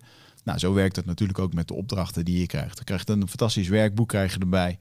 Uh, sowieso, wat heel gaaf is bij de Journey, is dat je deze doos krijgt. En dit is de Medicine Box. En de Medicine Box is alleen exclusief voor deelnemers van de Journey. Um, en er zit echt hele toffe dingen in. Maar dat kan ik je nu niet laten zien. Want de Medicine Box is voor de medicine, sorry, is voor de, is voor de Journey deelnemers. En um, wat erin gebeurt, dat is ook uh, ja, een verrassing. En die doos, daar zitten allerlei dingen in die gaan jou helpen tijdens dit ritueel. Dus er zullen allerlei attributen in die je kan gebruiken. Um, hè, dan krijg je hele, een, een hele videogebruiksaanwijzing en krijg je erbij over wat je moet doen. Um, en, en ik vind het juist ontzettend gaaf om, om dit te kunnen delen met jullie. Want het is eigenlijk alle kennis die ik heb. Want nu loop ik ook alweer, ik weet niet hoe lang, nu een uur, bijna anderhalf uur zit ik alweer te raaskallen. Met allerlei kennis die ik heb. Maar echt alle kennis die ik heb, heb ik verwerkt in mijn boek. En dat is nu wat ik gewoon heel graag op een toegankelijke manier met jullie wil delen. Uh, en, en door ook in die laag dieper te kijken. Hè? Want als je kijkt naar onze, ons energiesysteem, dan bestaat het uit vier verschillende lagen. Dat is bovenaan hebben we een soort piramide.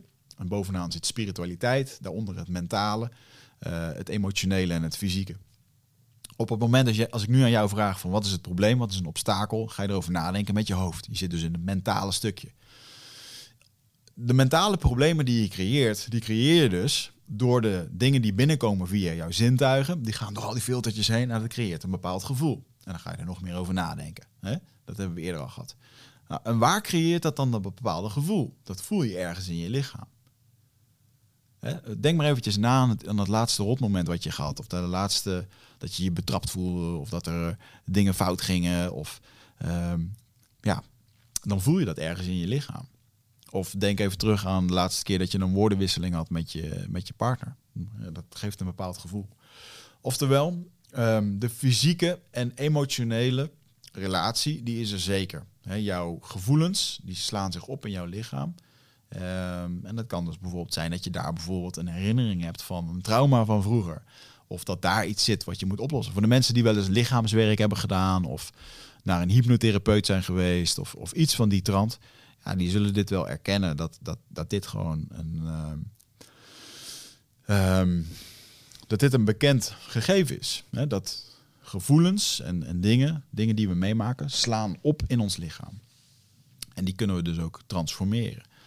En, en een van de manieren hoe dat je dat kan doen is door naar een andere laag van je bewustzijn te gaan. En op het moment dat jij je ogen al sluit, dan ga je al naar een andere laag van je bewustzijn. Op het moment dat je een uh, meditatie doet, uh, of een, of een hypnomeditatie, of in het geval wat wij hier doen, zijn shamanic journeys. Waarbij ik uh, de dingen die ik leer op mijn pad van het, het, shaman, het shamanenpad, van de dingen die ik heb mogen leren van Isha, van de mensen in het bos, ehm, om die te combineren met um, guided meditations, om jou ergens doorheen te, uh, hoe zou ik het zeggen, doorheen te gidsen. Dus door, ja, ik vind het wel heel erg leuk. Ik wil er niet te veel over vertellen. Je moet het eigenlijk gewoon een keertje ervaren. We doen bijvoorbeeld vooroude meditaties. Of uh, um, ja, meditaties met uh,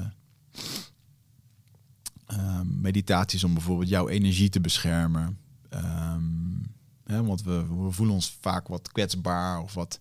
We vinden het lastig om om te gaan met al die chaos die er is. Nou, er zijn bijvoorbeeld hele krachtige meditaties om die erop focussen hoe jij je energie bij je kan houden, hoe je je kan beschermen van die anderen, hoe je visie kan krijgen, hoe je je visie helder kan hebben en kan houden, ondanks dat je totaal omringd bent door de chaos. Ja, dat vind ik fantastische dingen om, uh, om mensen daarbij te helpen. Dus die zitten daar ook bij. Um, wat een, uh, een hele belangrijke is, om het even heel concreet te maken, wat ga je leren? Ontdek je ware zelf. Hè? Uh, eigenlijk vind, vind antwoord op, het, op hetgeen wat je ziel op dit moment van je verlangt. Vind ik altijd zo'n mooie vraag. Wat doe jij op dit moment wat jouw ziel van jou verlangt? En voor heel veel mensen is dat echt een vraag van ja, shit, daarvan weet ik. Dat is het niet. Hè? Um, en door het versterken van je eigen zelfbewustzijn uh, kom je steeds meer, uh, krijg je steeds helderder waar jouw blinde vlekken zijn. Uh, dat je niet meer in oude patronen tuint. Dat je niet meer in die oude gewoontes stapt. dat, je, ja, dat je betere, krachtigere en liefdevolle beslissingen voor jezelf kan nemen. Want dat is namelijk wat ik voor je gun. En dat is ook namelijk wat nodig is. Hè? En um, als het gaat over die verbondenheid, die disconnectie, ik wil dat we daarvan weggaan. En wat is het, tegen, het tegenantwoord van disconnectie? Dat is gewoon het gevoel van eenheid. En die eenheid die moeten we in eerste instantie in onszelf vinden, voordat we die in onze relaties kunnen vinden of met andere mensen of met de rest van de wereld. dus het is heel erg belangrijk om daar aandacht aan te geven. Het vervolgende stukje is het stukje authenticiteit leven. Want jongens, authenticiteit, expressie was een, was een levens, primaire levensbehoefte van toen we klein waren. En nu hebben we die vaak weggemoffeld. Maar ik wil juist dat we die weer omhoog gaan krijgen. Dat we die weer helder gaan krijgen. Dat je gaat leven naar een stukje authenticiteit. Uh, dat je authentiek gaat leven, dat je die maskers gaat afzetten, dat je de, ja, dat je, laat ik het zo zeggen, dat je dingen vanuit de juiste energie gaat doen. Hè, dus voordat we doelen gaan stellen met ons hoofd, nee, laten we nou echt eens eventjes van binnen voelen wat we echt willen, waar je naartoe wil. Um, een hele belangrijke daarin is, is dat jij natuurlijk op gaat staan voor jezelf. Dat je leiderschap over jezelf gaat nemen. Dat je de juiste keuzes gaat maken. Dat je gezonde keuzes gaat maken. En als je die keuzes dan maakt, dat je vervolgens ook leert om je grenzen daarin te bewaken. Want echt niemand die er nu wat van vindt, van jou, van de keuzes die je maakt, die betaalt jouw rekeningen. Die komt jou helpen wanneer, wanneer je ongelukkig bent. Of als je uh, geen huis hebt of wat dan ook. Weet je, fuck de rest wat iedereen ervan vindt. Het is echt tijd om voor jezelf te gaan kiezen. En je grenzen bewaken, dat kan je op een hele liefdevolle manier doen. Wordt ons ook nooit geleerd op school hoe dat het kunnen doen. Grenzen bewaken betekent niet je hakken in het zand zetten en gaan vechten en moeilijk gaan doen. Nee, je kan gewoon je grens op een hele duidelijke manier bewaken. Want vaak ehm, wordt er aan ons gevraagd of dat wij. Um, ja, wij moeten dan verantwoording afleggen, omdat iemand anders er ergens iets van vindt.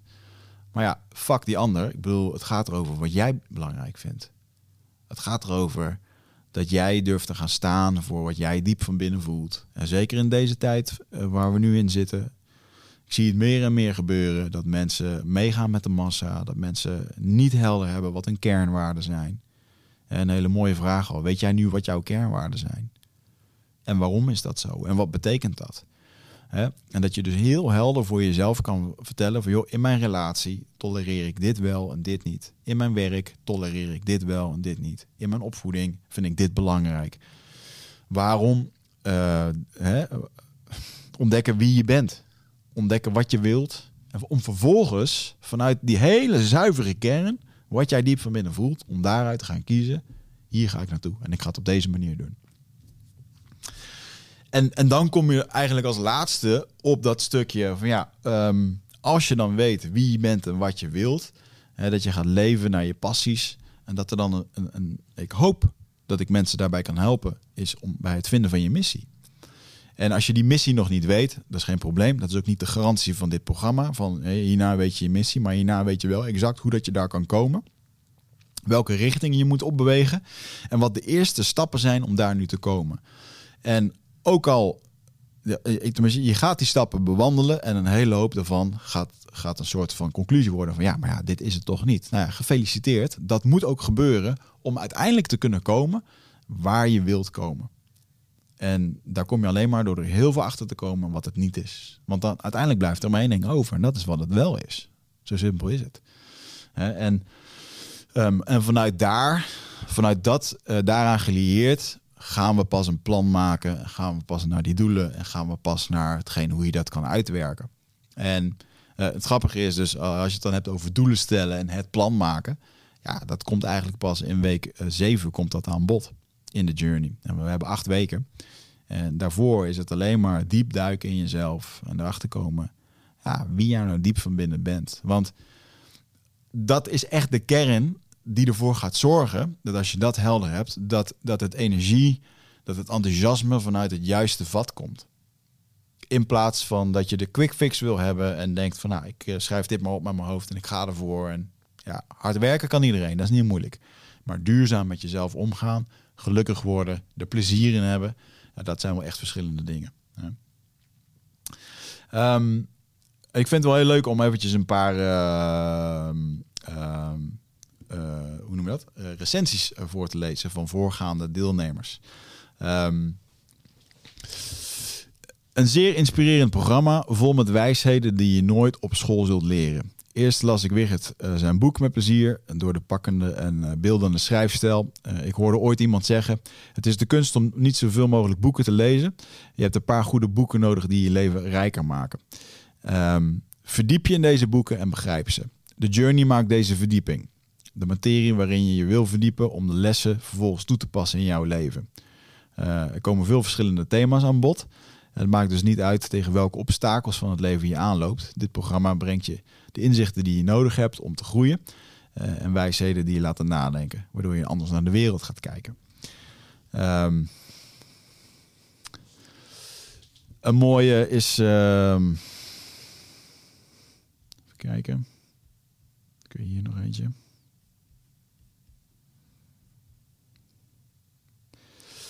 Voor dit programma was ik ontzettend aan het, uh, aan het worstelen met, met communicatie. En was het lastiger en lastiger voor mij om, uh, ja, om productief te blijven, om keuzes te maken. En wat ik hier heb geleerd is om dichter bij mezelf te staan. Om mijn eigen kernwaarden helder te krijgen en vanuit daaruit mijn grenzen te bewaken. Om vanuit daar de juiste keuzes te maken voor mezelf. Om meer overvloed aan te trekken. En hoewel ik er nog geen meester in ben, maar voel ik wel de vrijheid en de, de richting die ik zocht. En daardoor heb ik een gevoel van controle. En dat vond ik zo ontzettend mooi. Dat het leven is niet controleerbaar. Um, het is ook best wel lastig om, om, om, ja, uh, om te gaan met wat het leven naar je toe gooit. Nogmaals, het leven heeft de nare eigenschap om jou bloot te laten stellen aan lijden. Dat is het leven. Ik denk ook dat dat het leven mooi maakt en uitdagend. Maar hoe mooi is het op het moment dat je toch in die storm, in die chaos, het gevoel kan hebben van ja, dit geeft een bepaalde richting. Ik moet die kant op. Dit voelt goed. Ik ga die kant op. En wat er ook gebeurt, wat er ook op mijn pad komt, ik heb het gevoel dat ik de juiste keuzes maak. En, en ook al uh, gaat het nu fout of gaat het alle kanten op, dan heb ik toch die keuze gemaakt en dan ben ik het gaan doen. Want het allerbelangrijkste wat er nu voor jullie ligt aan werk, um, is dat je een beslissing gaat maken wat je volgend jaar wilt gaan doen. dat je een plan voor jezelf gaat maken uh, en dat dat vanuit een zuivere intentie komt, vanuit zuivere gedachten, vanuit zuivere bedoelingen. Dus um, maak de beslissing dat je ergens iets mee wilt. En nogmaals, als, de, als op papier alles voor je klopt, maar in de realiteit mist er iets, of het ziet niet lekker, um, zorg dan alsjeblieft dat je de beslissing voor jezelf gaat maken, dat je er wat mee gaat doen. Ben je eigenlijk aan jezelf verplicht. Anders wordt het een hele lange pijnlijke weg voor jezelf. Um, je moet maar eens eventjes kijken op, uh, op de website uh, van de Journey. Uh, dat kan je gewoon vinden op mijn, op mijn pagina, wichertmeerman.com. En daar zie je bovenin Journey staan. Als je daarop klikt, dan kom je op de juiste website. wat een hele belangrijke is, is als je kijkt naar het programma. ja, er zijn hele... Um, de acht weken staan er helemaal uitgeschreven wat we er allemaal gaan doen. week 1 uh, waar essentie van, van leiderschap is, is zelfkennis. Dus dan gaan we natuurlijk in, in zelfkennis denken. Hoe dat je denkt. Wat gaat er de hele dag in je, in je hoofd? Wat gaat er om? Um, hè, dus ook hoe je verbinding kan maken met wat er in je omgaat. En uiteindelijk ook hoe dat je het kan, uh, ja, kan veranderen. Um, het cultiveren van discipline, week 2. Leven met zelfacceptatie. Um, een, eh, een hack naar positiviteit. Hè? Nou, hoe kan je positief denken? Hoe kan je dat in je, in je dagelijkse leven, hoe kan je dat omarmen? Uh, een stukje communicatie, hoe je in contact kan komen met je hogere zelf, oftewel jouw gevoel. Klinkt wat zweverig, maar ik kan je vertellen dat het heel erg normaal is. Hè? En dat het gewoon. en misschien klinkt het wat zweverig, omdat wij daar niet mee opgroeien. Hè? We zijn gaan weer op zoek naar spiritualiteit en dan hoor je dat, je hogere zelf. Maar wat als we daar nou maar gewoon mee waren opgegroeid? Veel het, je bent nu acht jaar en uh, belangrijk om, om in contact te blijven met je hogere zelf. Oh, wat is dat dan? Nou, dat is dat en dat en dat, bla bla bla. En, en, nogmaals, dat is het gevoel, dat, dat, dat stemmetje, dat innerlijke kompas. Dat het gaat stromen, dat er passie is. En vaak voelen wij die pas op het moment dat wij op vakantie gaan. Uh, weg van alle stress, na een week deloaden. Dat je niet meer denkt aan die e-mails. En dan in één keer ga je nadenken, ah ja, ah, als ik straks terugkom, dan ga ik dit doen, ga ik zus doen, ga ik dat doen. En vervolgens dan zijn we terug. Ja, en dan, uh, dan, dan ja, maar dat gevoel wat je hebt op vakantie, die, die passie, die inspiratie, dan stroomt het. Dan ben je in contact met je hoge zelf. En dan kom je vervolgens terug en dan heb je 200 e-mails en allerlei dingen en dan gaat dat weer weg. Dat is een beetje onze cyclus. Een stukje loslaten van het verleden komt ook heel erg in het uh, in aanbod. Over hoe dat je kan vergeven, afscheid nemen van het verleden. Want jongens, er zijn te veel mensen die in het verleden blijven hangen. Ik ben er ook schuldig aan geweest, ben heel goed in geweest. Was ook een hele mooie verslaving. Hè? Daar kunnen we ook de schuld aan geven. Kunnen we ook naar blijven wijzen. Kost heel veel energie, het levert niks op. Um, nou, de relatie met jezelf natuurlijk aangaan. De liefde is ontzettend belangrijk. Dus ook de relatie met jezelf, maar ook de liefde, liefdesrelatie die je met je anderen kan aangaan. Daarin je grenzen kan aangeven, daarin je verlangens kan aangeven. Um, ja, en, en wat een hele belangrijke hierin is, door uh, wat jouw kernwaarden zijn en daar ook echt naar te gaan leven. Ik noem dat heel mooi in het boek, dus de strijder, uh, de krijger die strijdt. En dan bedoel ik niet de krijger die strijdt in de zin van vechten, Uh, maar wel degene die, die vecht voor het goede. Die vecht voor zijn idealen. Die vecht voor hetgene waar hij voor staat. Hij of zij voor staat. En op het moment dat je dat dus niet weet, ja, dan, kan je daar, dan kan je dat ook helemaal niet beschermen. Um, ook met de mensen waarmee je omgaat. Wie helpen jou er eigenlijk bij? Wie geven energie? Wie, je krijgt een heel inzicht over alles wat er in jouw omgeving zit en wat je energie geeft en waar je in bij kan sturen. En ja, ik geniet er altijd heerlijk van als ik de, de feedback hoor van, uh, van iedereen die hiermee aan de slag gaat. Uh, dan een, uh, een, week is gewijd aan het vinden van jouw missie. Dus het ontdekken van je passies, het ontdekken van je missie. Nou, jouw missie is onderdeel ehm, Iedereen heeft een missie, dat geloof ik. Hoe dat je hem vindt, dat vind je door aan de slag te gaan met jouw passies. En jouw passies die ontstaan weer vanuit interesse en een hoge kunde.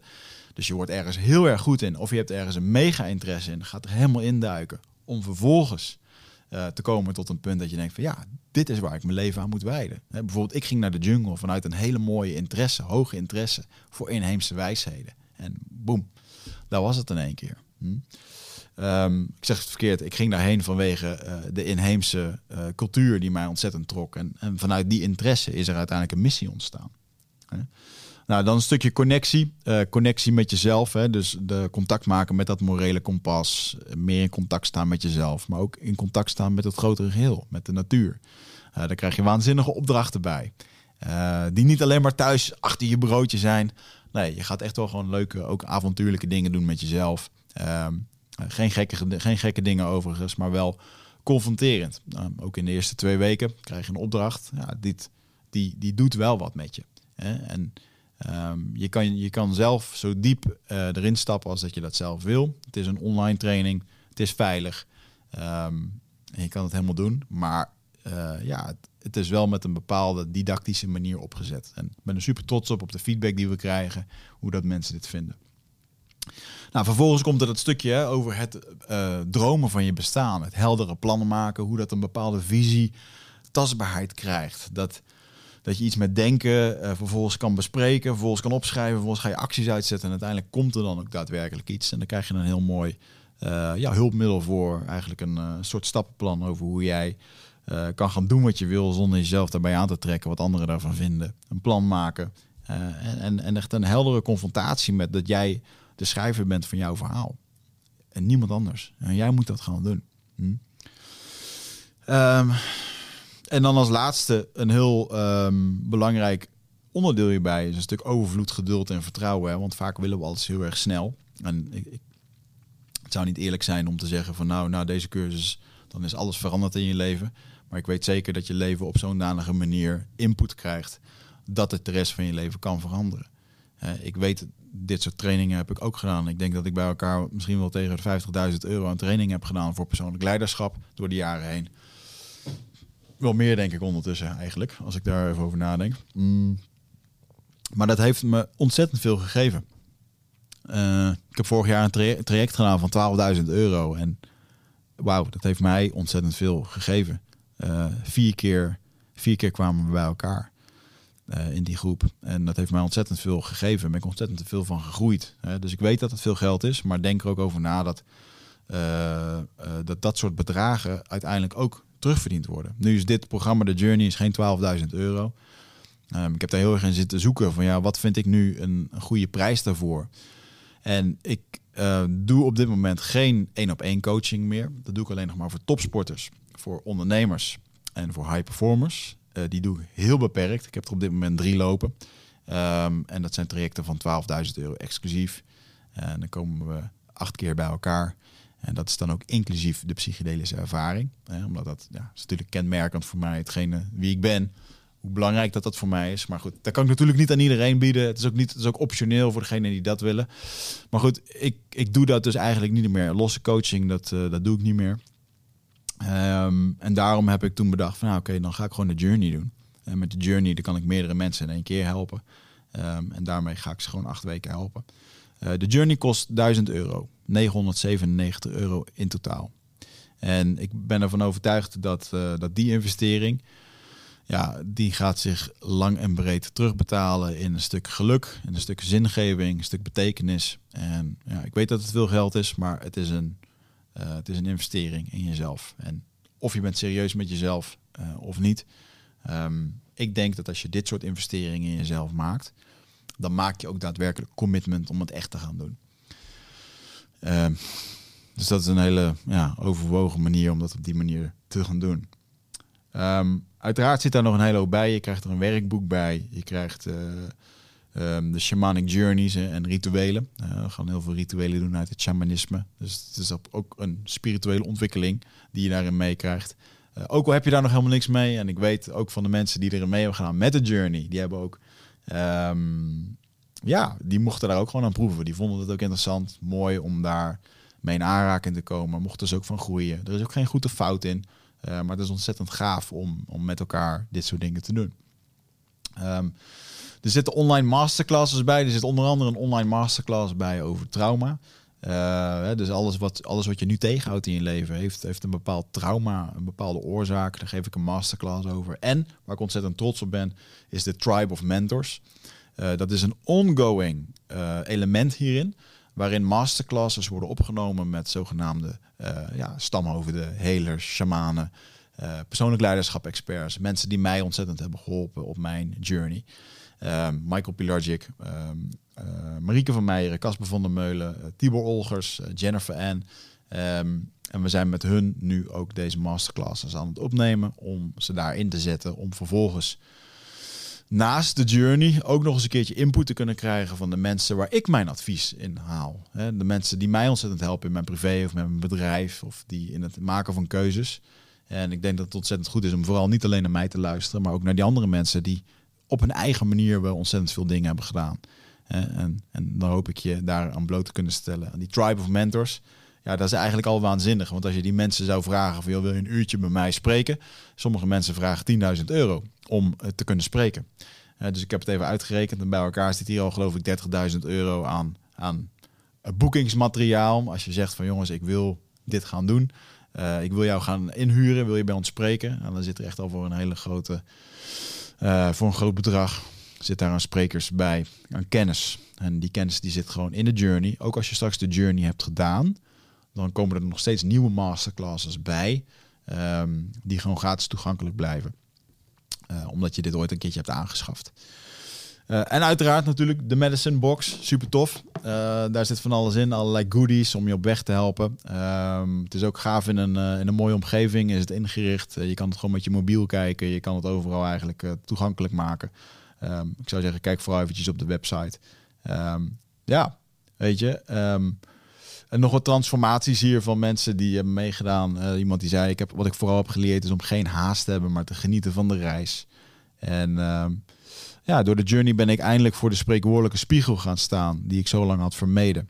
Ik heb een geweldig leven, maar werd vooral meegesleurd door de chaos van de dag. Ik leefde op de geluksmomenten uit mijn verleden en het verlangen om daar weer te zijn. Uh, maar ik wist niet hoe zonder rigoureuze keuzes te maken. En uh, door de journey ben ik veel meer bewust geworden van wie ik nu eigenlijk ben en wat ik belangrijk vind. Um, Sinds ik een paar belangrijke mensen in mijn leven heb verloren, heb ik altijd het idee gehad dat ik alles uit het leven moet halen. Geen moment verloren mag gaan. Maar dat was niet meer vol te houden. En nu leer ik stapje voor stapje genieten van de reis naar mijn droom. Ah, super mooi inzicht. Um, ik ben meer, uh, een andere van, uh, van Bart. Uh, ik ben meer stil gaan staan bij behandelingen, bij de handelingen die, die je doet en de gedachten die je hebt. Door de uitdagingen in het programma ben ik erachter gekomen waar ik mezelf mee afleid en daarmee bepaalde gevoelens sneller vermijd. Dit heeft gezorgd voor meer bewustwording in de dingen die ik doe en waarom ik het doe. Daarnaast ook over hoe dat ik denk over gebeurtenissen in de dag. Je kan zelf kiezen of je er vanuit liefde of haat naar kijkt. Um, door na te gaan welke kernwaarden voor mij belangrijk zijn, weet ik of ik trouw ben aan mezelf en aan mijn handelen. Uh, door, hier aan mee te, door hier aan te hebben meegedaan, weet ik dat ik op het goede pad zit in mijn ontwikkeling en, en connectie met de natuur. Nou, dat vind ik super tof. Um, nog een hoogtepunt hieruit. Dit maakte dat ik ben gaan handelen naar de keuzes waar ik voor stond en dichter bij mezelf ben gekomen.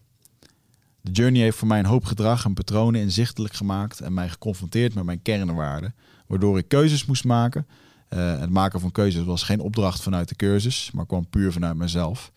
En deze lessen neem ik mee in de toekomst. Juist op de momenten dat ik voor een keuze sta, waarbij ik voel dat ze tegen mijn kernwaarden ingaan.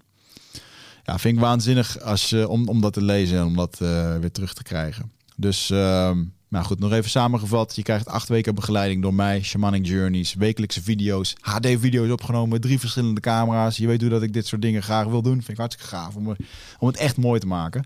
Um, je krijgt ongelimiteerde toegang tot alles. De Tribe of Mentors, dat, uh, dat element dat blijft uh, toevoegen. Er komen steeds meer lessen bij. Je krijgt de Medicine Box, dat wordt heel gaaf. Shamanic Journeys, geleide meditaties, healings en rituelen om je innerlijke vrede te bewaren. Uh, alles op je telefoon of op je smartphone of gewoon lekker op je computer. Wekelijks krijg je video's. En uh, nou goed, nogmaals, jij kan meedoen. 6, uh, zeg ik dat nou even goed? 9, 9 januari, dan beginnen we weer. Dan start de journey, lichting nummer 3.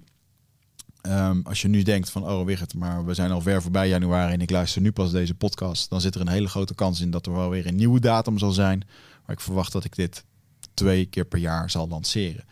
Uh, dus de journey start nu op, um, as we speak, uh, op zondag 9 januari 2021.